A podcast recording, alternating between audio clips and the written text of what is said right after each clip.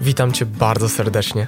To jest czternasty odcinek podcastu Dietetyki opartej na faktach, gdzie bazując na dowodach naukowych staramy się przedstawić wiedzę z zakresu żywienia i suplementacji w sposób jak najbardziej przystępny i praktyczny. Proces budowania masy mięśniowej, czy też zwyczajnie kształtowania sylwetki obarczony jest wieloma mitami i obiegowymi przekonaniami, w szczególności pochodzącymi ze środowiska kulturystycznego. Jakie błędy najczęściej popełniane są przez osoby chcące poprawić estetykę swojej sylwetki i zbudować trochę mięśni? Zapraszam do wysłuchania podcastu z Tomkiem Grzymskim. Cześć Tomek. Cześć Radek. Przedstaw się proszę słuchaczom.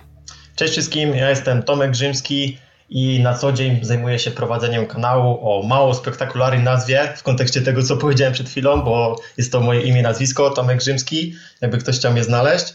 No i na co dzień zajmuję się kształtowaniem sylwetek innych ludzi. Z tym, że nie są to żadni zawodowcy, a tacy prze, po prostu zjadacze chleba, zwykli kowalscy, którzy chcą dobrze wyglądać na plaży i taki jest mój cel, żeby właśnie tym osobom pomagać.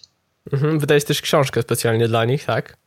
Tak, mój e-book, program genetycy i właśnie no, cała moja działalność tak naprawdę opiera się na kształtowaniu sylwetki właśnie poprzez ten program, gdzie tam opisałem pro, najprostszą możliwą ścieżkę do kształtowania sylwetki, do zrobienia dobrej formy, tak żeby móc się pochwalić właśnie na plaży czy wśród znajomych six-packiem. Mhm. Także pozostając przy tym, e, przy tym zagadnieniu, to temat, jaki chciałbym z tą dzisiaj poruszyć, to jest jakich błędów nie popełniać podczas budowania masy mięśniowej. Mhm. E, wypisaliśmy sobie tu z Tomkiem taką listę rzeczy, które razem uznajemy za e, mało optymalne i zwyczajnie no są to błędne decyzje podczas e, budowania masy mięśniowej. Mm, niemniej tak na wstępie, żeby w ogóle wejść do tematu, to zapytałbym Cię Tomku o takie podstawy, jakie uważasz, żeby warto było przekazać w kontekście tego okresu budowania masy mięśniowej. Mhm. Więc na wstępie należałoby wspomnieć o tym, że potrzebujemy trzech rzeczy, żeby budować masę mięśniową. I będzie to przede wszystkim jakiś bodziec, czyli tutaj w tym kontekście mówimy raczej o siłowni, jako że ja jestem kojarzony głównie z treningiem siłowym, natomiast to nie jest tak, że siłownia jest niezbędna do budowania masy mięśniowej, bo są inne formy, e, które mogą powodować ten rozrost. Natomiast no, tutaj skoncentrujemy się na treningu siłowym. Drugą rzeczą jest odpowiednia podaż białka, i trzecią rzeczą jest odpowiednia dostępność energii. I tutaj mówię specjalnie dostępność energia, e, energii, ponieważ wiemy, że możemy budować masę mięśniową również w warunkach deficytu, czy nawet na utrzymaniu. I coś takiego nazywa się mianem rekompozycji i jest to tym bardziej prawdopodobne, im wyjściowo osoba ma więcej tkanki tłuszczowej i mniejszy staż. Natomiast im osoba jest bardziej zaawansowana, ma mniejszy poziom tkanki tłuszczowej, tym bardziej powinniśmy koncentrować się na tym, żeby jednak iść w kierunku surplusu, bo zwyczajnie będzie to bardziej optymalne i bardziej korzystne w kontekście budowania masy mięśniowej, zrobimy to szybciej. Mm, no i tutaj bardzo często, bardzo częstym pytaniem jest, ile tak naprawdę tego surplusu jest potrzebne i należałoby wyjść od tego, ile w ogóle potrzebna, ile potrzebujemy energii, żeby zbudować 1 kg masy mięśniowej. I ciężko jest to oszacować. Właśnie tutaj z Radkiem przed tym podcastem próbowaliśmy dojść do jakichś konstruktywnych wniosków. Natomiast no, generalnie oboje opieramy się na autorytetach w tym świecie fitness, chociażby na McDonaldzie czy Eriku Helmsie. I oni podają, że do zbudowania 1 kg masy mięśniowej potrzebujemy około 5 do 7 tysięcy kalorii nadwyżki. I to są właśnie takie wartości, czyli niezbyt duże. Jeżeli przyjmiemy, że osoba początkująca w pierwszym roku swojego treningu, gdzie tak naprawdę reagujemy na każdy bodziec i budujemy tą masę najszybciej w naszej karierze, bo z każdym kolejnym rokiem będzie coraz mniej do zbudowania tej masy, no to 6-8 kg jest być może realne, jeżeli naprawdę poświęcimy się temu treningowi i zrobimy wszystko e, w odpowiedni sposób. Ja tutaj miałem takiego potopiecznego, mogę przedstawić case study, jeżeli mogę. Mhm, jasne. E, Mateusz Mazur, pozdrawiam, jeżeli słuchasz. I on zresztą przeprowadzi z nim wywiad na kanale YouTube, także można gdzieś tam podlinkować w opisie na dole, jeżeli ktoś chciałby posłuchać. Podziękuję. Mhm. I w pierwszym roku treningu przy naprawdę przemyślanym, konstruktywnej pracy z jego strony oczywiście, bo to on wykonał tą robotę, mm, zbudował 5 kg masy mięśniowej. I to myślę, że to jest taki realny standard. Jeżeli ktoś powiedzmy ma jakieś inne obowiązki i nie poświęca się tylko i wyłącznie temu. Wiadomo, że były też jakieś tygodnie, gdzie gdzieś wyjechał, były jakieś tam imprezy, nie odmawiał sobie niczego. Także te 5-6 kg dla takiego przeciętnego Kowalskiego jest do osiągnięcia w pierwszym roku treningu. Przy każdych kolejnych latach będzie to coraz mniej. Także trzeba się z tym po prostu pogodzić. Mhm, to, to już praktycznie wyczerpałeś temat, jaki chciałem e, pierwszy, w kontekście pierwszego pytania. Aha, czyli A mianowicie nierealnych, tak, a mianowicie nierealnych celów, czyli ile realnie można zbudować w danym czasie. Już powiedziałeś, że to jest, e, mm, jest to taki swego rodzaju przedział, jeżeli chodzi o pierwszy rok mhm. treningów. E, natomiast no zadam to pytanie, tak czy siak, może jeszcze coś dopowiesz, ile realnie można zbudować w danym czasie? Mhm. Znaczy, tutaj może właśnie poruszymy tą kwestię tych nierealnych standardów, bo też mhm. mm, często na przykład takim wyznacznikiem dla osoby, która zaczyna jest na przykład obwód e, ramienia, czyli powiedzmy ktoś chce budować 1 cm w łapie, no i ten 1 cm miesięcznie nawet, to po roku to jest 12 cm, czyli łapa 50, 50 cm, pół metra. Także no to już samo przez się, się rozumie, że to nie jest realne. Po prostu nie da się tak, dlatego samo kontrolowanie obwodu ramienia nic nam nie daje. No i tak samo w tym kontekście e, budowania masy mięśniowej, jeżeli ktoś nastawia się na to, że będzie powiedzmy budował 2 kg miesięcznie, no to po dwóch latach byłby misterem Olimpia, co najmniej, no, albo mógłby startować w jakichś zawodach kulturystycznych, co jest totalnie nie, nie do osiągnięcia. Już bomba nie byłoby potrzebna. No dokładnie, to po co ktoś miałby wchodzić na jakieś środki dopingujące, skoro realnie byłoby to do zrobienia? Wiadomo, że nikt nie chce budować po 200 gramów masy mięśniowej w miesiącu, bo jest to zwyczajnie nieatrakcyjne i każdy chciałby te efekty jak najszybciej, ale jest to realne i jedyne co możemy zrobić to to zaakceptować i się z tym pogodzić. Po prostu nie ma innej drogi niż cierpliwość, bo budowanie masy mięśniowej jest mozolnym, długim, długotrwałym procesem, który wymaga tony, tony cierpliwości. Mhm, czyli tak realnie możemy się nastawić na ile? E, no ja bym powiedział o 4 do 8 kg. To są takie wartości, które jesteśmy w stanie osiągnąć w pierwszym roku treningu. Z każdym kolejnym rokiem to mhm. jest wartość przez dwa. Dwa razy mniejsza. Mhm. Okej. Okay. E, to przechodząc do następnego punktu, mm, a mianowicie zbyt wysokiej nadwyżki energetycznej, czyli e, prowadzenie takiej, brzydko mówiąc, tak zwanej świniomasy, że się mhm. ulewamy dlaczego to nie jest optymalne? Mhm. E, no tak jak powiedziałem mm, na wstępie, że potrzebujemy około 5 do 7 tysięcy kilokalorii, żeby zbudować 1 kg masy mięśniowej, więc jeżeli wykonamy matematykę i przyjmiemy to, co powiedziałem wcześniej, że możemy zbudować od 4 do 8 kg, no załóżmy, że jesteśmy przez pierwsze miesiące treningu w stanie budować około pół do maksymalnie 1 kg masy mięśniowej w miesiącu. Więc dobra, przyjmijmy ten wariant optymistyczny. 1 kg w miesiącu przez pierwsze 3-4 miesiące jako osoba początkująca. To daje nam wartość około 7000 kalorii, którą musimy wygenerować. Tyle mniej więcej surplusu jest potrzebne. E, to są wartości Erika Helmsa. Także mhm. jeżeli ktoś zna jakieś inne przesłanki albo inne wartości, no to też chętnie możecie napisać w komentarzach, chętnie się z nimi zaznajomię. Natomiast, natomiast to już nam pokazuje, że 7 tysięcy, jeżeli podzielimy przez 30 dni w miesiącu, no to ta nadwyżka nie jest spektakularna, bo to nam gdzieś daje około 120. 233, nie więcej. 233, tak. Natomiast jeżeli mówimy o pół kilograma, e, no to to będzie gdzieś to po 120 mniej. nawet. Dokładnie. Mhm. Tak, czyli to są generalnie małe wartości, które potrzebujemy. Jeżeli tutaj mówimy o osobie zaawansowanej, która jest powiedzmy w stanie zbudować kilogram rocznie, czyli ona rocz, przez rok będzie potrzebowała 7000 kalorii nadwyżki, no to gdzieś mówimy o wartościach rzędu 20 kalorii, 10 kalorii surplusu, mhm. który byłby potrzebny. Oczywiście coś takiego jest nie do zrealizowania, bo tutaj jeden krok więcej do lodówki może spowodować, że będziemy na deficycie. Także no, nie ma sensu e, opieranie się na, na, na, tego, na tak małych wyznacznikach. Dlatego ja jestem zdania, że możemy przyjąć taką wartość, e, dwukrotność tego, co jesteśmy w stanie zbudować. Czyli powiedzmy, jeżeli ktoś jest w stanie przez pierwsze miesiące treningu budować kilogram miesięcznie, no to może sobie przyjąć, że dwukrotność tego, jeżeli na wadze się pojawi, no to nic większego się nie stanie. E, no i tutaj właśnie nie wiem, czy poruszać kwestię, jaki jest optymalny surplus, czy. Tak, jasne. Mhm. Mhm. No to tutaj rekomendacji jest tak naprawdę kilka. Najczęściej przyjmuje się właśnie, że powinniśmy przybierać od 1 do 2% na wadze w skali miesiąca. To są rekomendacje doktora Majka Izratela i Eryka Helmsa. E, czyli to mniej więcej daje właśnie te 250 do 500 kilokalorii dziennie, albo czasami też uznaje się. W sensie wartość... więcej niż zapotrzebowanie. Tak, więcej niż zapotrzebowanie. Żeby nikt nie jadł 500 kilokalorii dziennie. tak, tak. Chodzi oczywiście o wartość mhm. surplusu energetycznego. I też są rekomendacje mm, procentowe od zapotrzebowania i to jest właśnie o 10-15% więcej niż Twoje zapotrzebowanie. Także gdzieś w tych widełkach powinniśmy optymalnie przybierać lub taki właśnie surplus obrać. No i konsekwencje nadwyżki będą oczywiście takie, że wszystko powyżej tego odłoży się jako tkanka tłuszczowa. Więc raz, że skrócimy sobie okres masy, no bo w momencie, kiedy ulejemy się powiedzmy w przeciągu dwóch miesięcy i zaraz będziemy musieli przechodzić na redukcję, no to nic tej masy nie będzie, bo nic mhm. nie zbudujemy przez dwa miesiące, to właśnie e, w tym kontekście cierpliwości i nierealnych standardów. Więc ten okres masy powinien być możliwie jak najdłuższy. Powinniśmy możliwie jak najwięcej spędzić w okresie budowania, w okresie, kiedy możemy realnie um, zbudować masę mięśniową.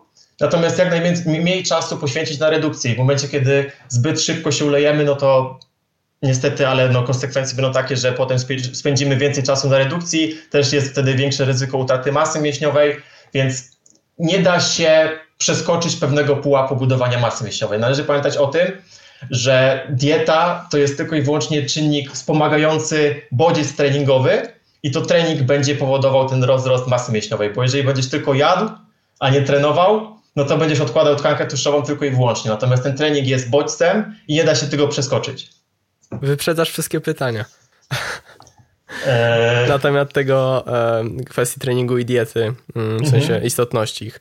Niemniej jeszcze tak pozostając trochę przy tej świniomasie, to chciałbym mhm. zapytać o mniej więcej optymalne jakby zakresy tkanki tłuszczowej mhm. w kontekście e, budowy masy mięśniowej, bo często jest tak, że osoby, które są, mm, mają wyższy ten poziom tkanki tłuszczowej, biorą się za budowanie masy mięśniowej, E, a nie jest to swego rodzaju optymalne ze względu na obniżoną wrażliwość anaboliczną. Zwyczajnie te osoby, jest wyższe prawdopodobieństwo, że zbudują więcej tkanki tłuszczowej niż e, masy mięśniowej, mhm. Mm, czy obniżoną wrażliwość insulinową, więc mniej więcej jakie są takie przedziały, żeby brać się za budowanie masy mięśniowej? Mhm. Znaczy, to co powiedziałeś, to jest jedna sprawa. Druga sprawa jest taka czysto praktyczna, że w momencie, kiedy weźmiemy się za budowanie masy mięśniowej, a powiedzmy mamy gdzieś w granicach 15-18% tkanki tłuszczowej, to zwyczajnie nie będziemy widzieć progresu bo jedyne, mhm. co będzie się zmieniało, to to, że będziemy wyglądać coraz gorzej i będzie to czynnik mocno demotywujący do dalszych starań, bo no, nikt nie chce chodzić na siłownię i wyglądać z dnia na dzień e, na bardziej ulanego i nie będzie widać tego progresu, że w ogóle cokolwiek budujemy, że idziemy w dobrym kierunku. Dlatego Jasne. w momencie, kiedy ktoś ma już 15-18% tkanki tłuszczowej i tutaj to jest wartość umowna, no bo umówmy się, że powiedzmy, jeżeli ktoś by wszedł na deksę, to pewnie te wartości byłyby zupełnie inne, Natomiast przyjmuje się, że te 15-18% to jest mniej więcej taka wartość, że już nie widzimy sześciopaka nawet w dobrym świetle.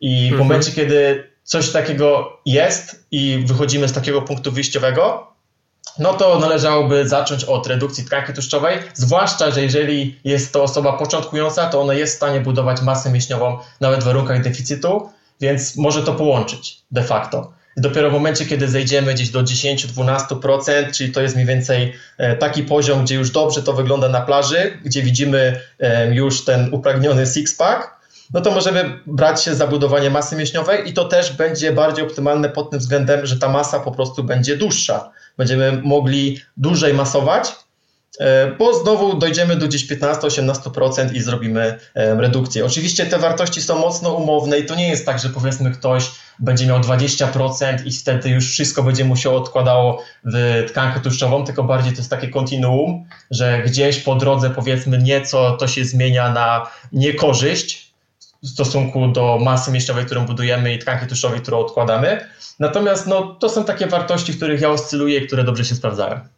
Mhm, jasne, bo zwyczajnie trzeba pamiętać, że istnieją takie przesłanki, e, by uważać właśnie, że nadmiar tkanki tłuszczowej mm, to obniża tą wrażliwość anaboliczną, wrażliwość anaboliczną na dostępność aminokwasów i tym samym mm, mięśnie mniej efektywnie reagują na bodźce w postaci treningu, mhm. E, ogólnie na syntezę, syntezę białek mięśniowych, mhm. więc tym samym e, mając ten niższy poziom tkanki tłuszczowej Czyli no zwyczajnie reasumując, osoby, które mają e, wyższy poziom tkanki tłuszczowej niż powiedziałeś, te na przykład te 18%, że nie widzą tego sześciopaka, są e, to zwyczajnie wtedy lepiej rozważyć najpierw redukcję tkanki tłuszczowej, a dopiero później budowę masy mięśniowej.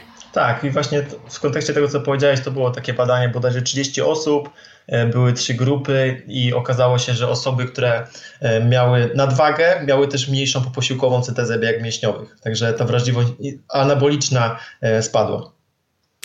Mm, też myślę, że to wszystko, co tutaj poruszyliśmy, dotyczyło przede wszystkim mężczyzn i obracaliśmy się tutaj wokół wartości, które dotyczyły przede wszystkim mężczyzn. Mhm. Więc też mam takie pytanie, czy możesz coś powiedzieć odnośnie kobiet? Mhm. Znaczy, rekomendacje u kobiet będą mm, bardzo podobne i też te wartości przybierania na wadze od 1 do 2% będą się sprawdzały, bo kobiety po prostu ważą mniej. Więc też procentowo, jeżeli to zrobimy, no to będzie ta wartość mniejsza. Z tym, że kobiety oczywiście mają większą awersję do przybierania na wadze niż mężczyźni, no ale tutaj, drogie panie, nie bójcie się, bo e, trzeba czasami zbudować tą masę mięśniową, żeby po prostu te kształty mm, były widoczne, żebyście mogły imponować mężczyznom. Tak, to się ładnie nazywa. jest rzeczywiście wasz cel. To się ładnie nazywa kształtowanie kobiecej sylwetki. Dokładnie tak. Radek tutaj to świetnie dyplomatycznie określił, więc nie ma co się bać, bo też należy pamiętać o tym, że budowanie masy mięśniowej zawsze jest trudniejsze niż redukcja, bo zbudowanie 3 kg masy mięśniowej e, no, może stanowić duży problem, duże wyzwanie i pochłonąć dużo czasu, natomiast redukcja 3 kg to tak naprawdę może być kwestia 6-8 tygodni i to z takim umiarkowanym deficytem, więc nie ma coś przesadnie się bać przybierania na wadze. Natomiast jeżeli chodzi o rekomendacje, kiedy kobieta powinna masować albo redukować, no to tutaj to wszystko to, co powiedziałem, czyli oscylujemy w granicach 10-18% u mężczyzn i odpowiednio o 8-10% więcej u kobiet, gdyż kobiety po prostu mają wyjściowo e, więcej tkanki tłuszczowej.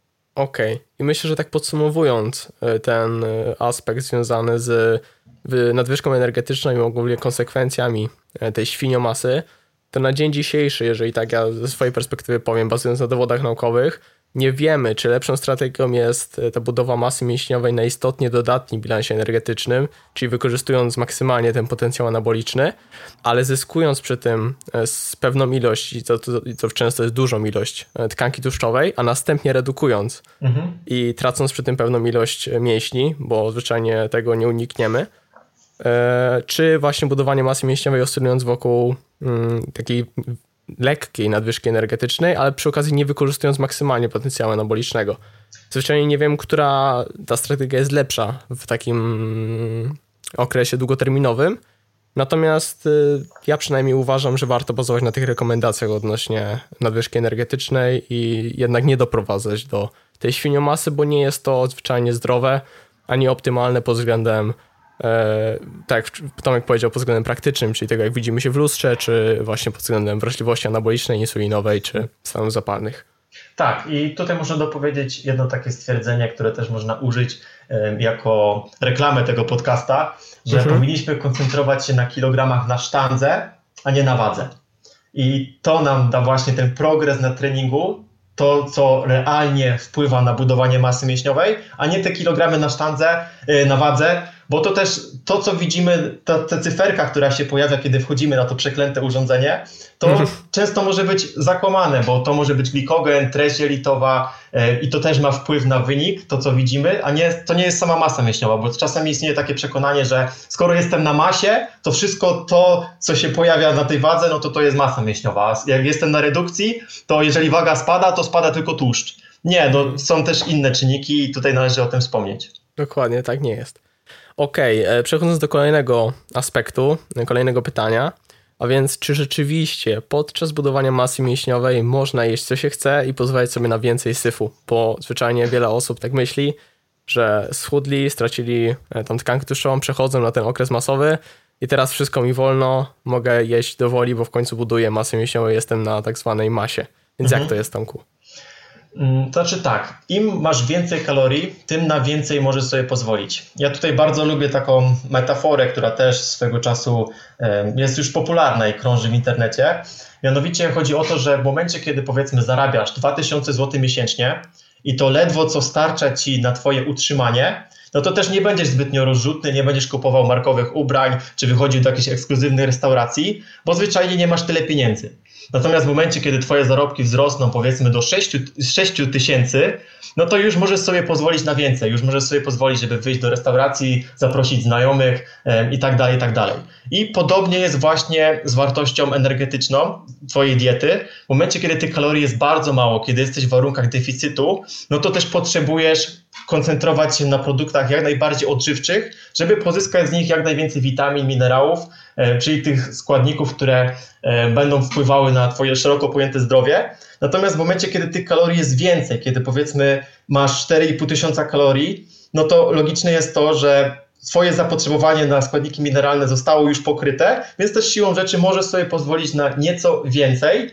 E, I też wiadomo, że jeżeli spojrzymy z drugiej strony, powiedzmy mamy osobę, która nie jest w stanie przejeść odpowiedniej ilości jedzenia, to to jest to, co powiedziałem wcześniej, że pod, kluczowa jest ta dostępność energii, więc tą energię musimy pozyskać skądś i chociażby właśnie dobijanie tego naszego zapotrzebowania jakimiś tam produktami rekreacyjnymi nie będzie wielkim grzechem w takim kontekście, Natomiast to nie jest tak, że możemy jeść wszystko i od teraz jem w McDonaldzie, w KFC, bo nie będzie to mhm. zwyczajnie optymalne e, właśnie pod względem budowania masy mięśniowej, no bo ta nadwyżka odłoży się w tłuszcz. No i też w kontekście stanów zapalnych chociażby, gdzie długa, długotrwała nadwyżka, duży surplus plus śmieciowy dobór pokarmów może e, powodować E, zwiększone stany zapalne czy pogorszoną wrażliwość insulinową, więc to nie jest tak, że jemy wszystko dookoła, ale zwyczajnie możemy sobie pozwolić na więcej. I też na przykład e, a propos tego Mateusza i case study, do którego wracamy, no to mhm. Mateusz miał bodajże 76 kg ważył i jadł w pewnym momencie 4000 kalorii. I teraz w momencie, kiedy Mateusz miałby te 4000 kalorii pozyskać z produktów tylko i wyłącznie pełnowartościowych, z pełnego ziarna, to raz, że umarłby z przejedzenia, a dwa, że taka ilość błonnika też zwyczajnie nie byłaby korzystna, bo nadmiar błonnika też utrudnia wchłanianie niektórych mikroelementów, także zwyczajnie po prostu on dobijał te kalorie jakimiś e, produktami płynnymi, szejkami, e, żelkami i tak dalej, i tak. Byle, żeby właśnie ta dostępność energii była na odpowiednim poziomie. Dokładnie, czyli jeżeli już przesadzamy bardzo istotnie z nadwyżką energetyczną, to nie przesadzajmy z E, tym, tą ilością produktów śmieciowych, bo zwyczajnie mhm. Mm, są one bogate w nasycone kwasy tłuszczowe, tłuszcze trans, te rafinowane węglowodany, które no mają właściwości prozapalne, mogą obniżyć wrażliwość insulinową mhm. i tym samym no, nie są optymalne z punktu widzenia mm, tej budowej masy, budowej masy mięśniowej. Dokładnie tak, dokładnie tak. Okej, okay. E, to przechodząc do kolejnego aspektu, a mianowicie zwracanie uwagi za bardzo na dietę, a za mało na dobry trening. Mhm. To już też poruszyłeś, jako to, że... A, wyprzedziłem, tak. Tak, dokładnie, ale no może jeszcze coś e, dopowiesz w tym aspekcie. Mhm. E, no tak jak wspominałem, w momencie, kiedy ktoś będzie tylko siedział i generował nadwyżkę, no to wszystko będzie odkładało się w tkankę tłuszczową, więc zwyczajnie trening będzie ważniejszy, bo i dieta powinna być ukierunkowana na wspieranie tego treningu, mm, a nie odwrotnie. Czyli ten trening da, daje nam bodziec do rozwoju tej muskulatury, natomiast kalorie powinny być tak dostosowane, żeby nam się dobrze przede wszystkim trenowało i progresowało. I to też jest dobry właśnie wyznacznik, że jeżeli masz te kilogramy na sztandę, że konsekwentnie dodajesz y, powtórzeń, obciążenia bądź liczbę serii, regenerujesz się przy tym i to znaczy, że wszystko idzie w dobrym kierunku i tych kalorii najprawdopodobniej też masz na odpowiednim poziomie i wtedy nie koncentrujemy się aż tak właśnie na tym, co pojawia się na wadze, zwłaszcza jeżeli jesteś osobą już bardziej zaawansowaną, gdzie ten przyrost masy mięśniowej naprawdę będzie bardzo, bardzo powolny i możesz to zobaczyć na przykład po roku, dopiero kiedy zredukujesz, że cokolwiek poprawiłeś. Dlatego właśnie koncentrowanie się na treningu będzie aspektem kluczowym, a dieta powinna być tak dostosowana, żeby ci jak najbardziej wspierać ten e, wysiłek i żeby te twoje starania na siłowni e, szły w jak najlepszym kierunku. Jasne, okej, okay. fajnie podsumowałeś. Mm to przechodząc od razu do y, kolejnej kwestii, a mianowicie czy zwracanie uwagi na mniej istotne rzeczy i zapominanie o podstawach. Mhm. Czyli wiele osób koncentruje się na takich, y, odwołując się do piramidy, na przykład właśnie Erika Helmsa, że osoby zwracają uwagę na, na suplementację odpowiednio dobraną, na tym, żeby y, podać te 5 gramów kreatyny codziennie, czy tam po treningu na, żeby zjeść e, posiłek potreningowy w ciągu 60 minut po treningu, a zapominałem o tych rzeczach kluczowych, więc może mhm. powiemy trochę o tych rzeczach e, fundamentalnych.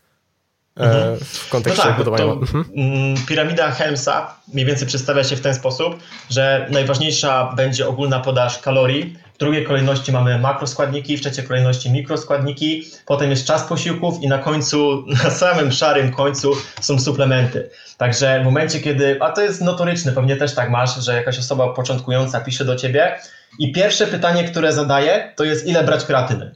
Na przykład. Mhm. Nie jest ważne nic dookoła, tylko ile kreatyny należy spożywać. Jasne, my lubimy ogólnie drogę na skróty i właśnie upatrujemy w suplementach tego świętego złotego grala, że powiedzmy weźmiemy 5 gramów kreatyny, monohydratu i to spowoduje, że będziemy, e, że nie musimy w ogóle się starać, chodzić na tym siłownię, tylko te mięśnie będą same rosły. Niestety tak nie jest.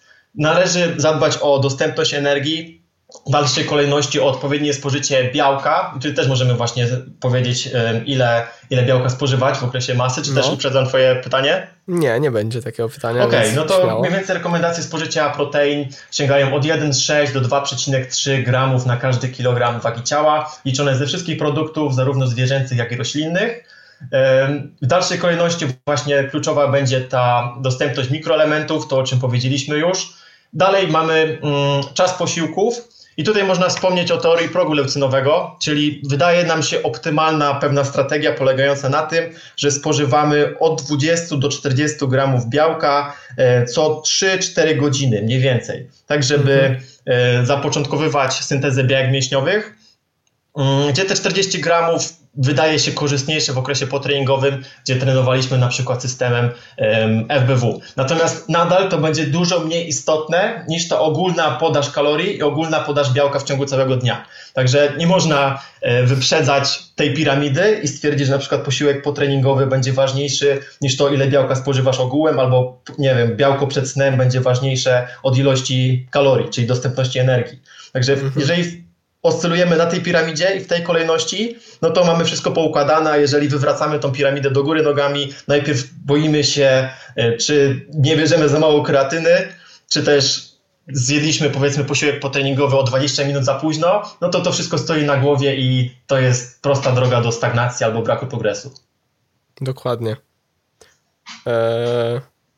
Okej, okay, no i jeszcze ostatni aspekt, jaki tutaj wypisaliśmy, to jest brak cierpliwości, a więc ciągłe zmiany osoby, tak jak na początku mówiliśmy, że narzucają sobie, że chcą tam e, przybierać kilka kilogramów masy mięśniowej miesięcznie.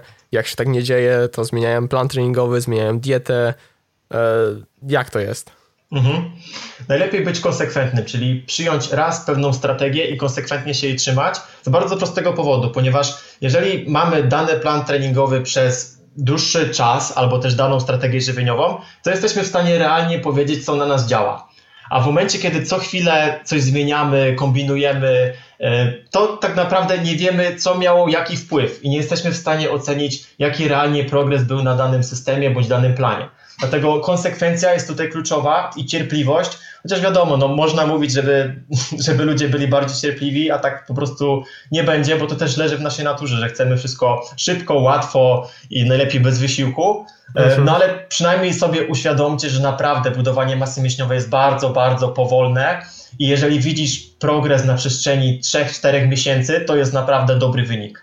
I, na, I właśnie w takiej skali powinno się planować swoje działania żywieniowe czy treningowe w dłuższej perspektywie, a nie w perspektywie powiedzmy tygodnia czy dwóch, bo to totalnie nic nie zmienia. Okej, okay, fajnie. Mm, jakiś konsensus z całej, z całego podcastu? E, konsensus może być taki, żebyście byli cierpliwi, byli cierpliwi i byli cierpliwi. Okej, okay, to przypomnij jeszcze Tomku proszę na koniec, gdzie można Cię znaleźć? Mhm. E, no, na YouTubie przede wszystkim. Jeżeli wpiszecie Tomek Rzym, pewno mnie znajdziecie. Jestem również na Instagramie tomek. E, no i właściwie tyle. Na tych, na tych dwóch mediach można mnie znaleźć, posłuchać coś więcej, dowiedzieć się e, na mój temat. To dziękuję Ci bardzo, Tomku, za udział w podcastie, że się zgodziłeś. I myślę, że do usłyszenia lub do zobaczenia niebawem. Dziękuję bardzo, Radek. Pozdrawiam. Hej. Jeszcze raz dziękuję Tomku za rozmowę. Oczywiście to nie wszystkie potencjalne błędy, bo można by było jeszcze mówić o okresowych zmniejszeniach spożycia energii czy innych bardziej zaawansowanych optymalizacjach procesu budowy masy mięśniowej. Mam jednak nadzieję, że podcast był dla Was pomocny. To już tyle ode mnie. Do usłyszenia już niebawem. Hej!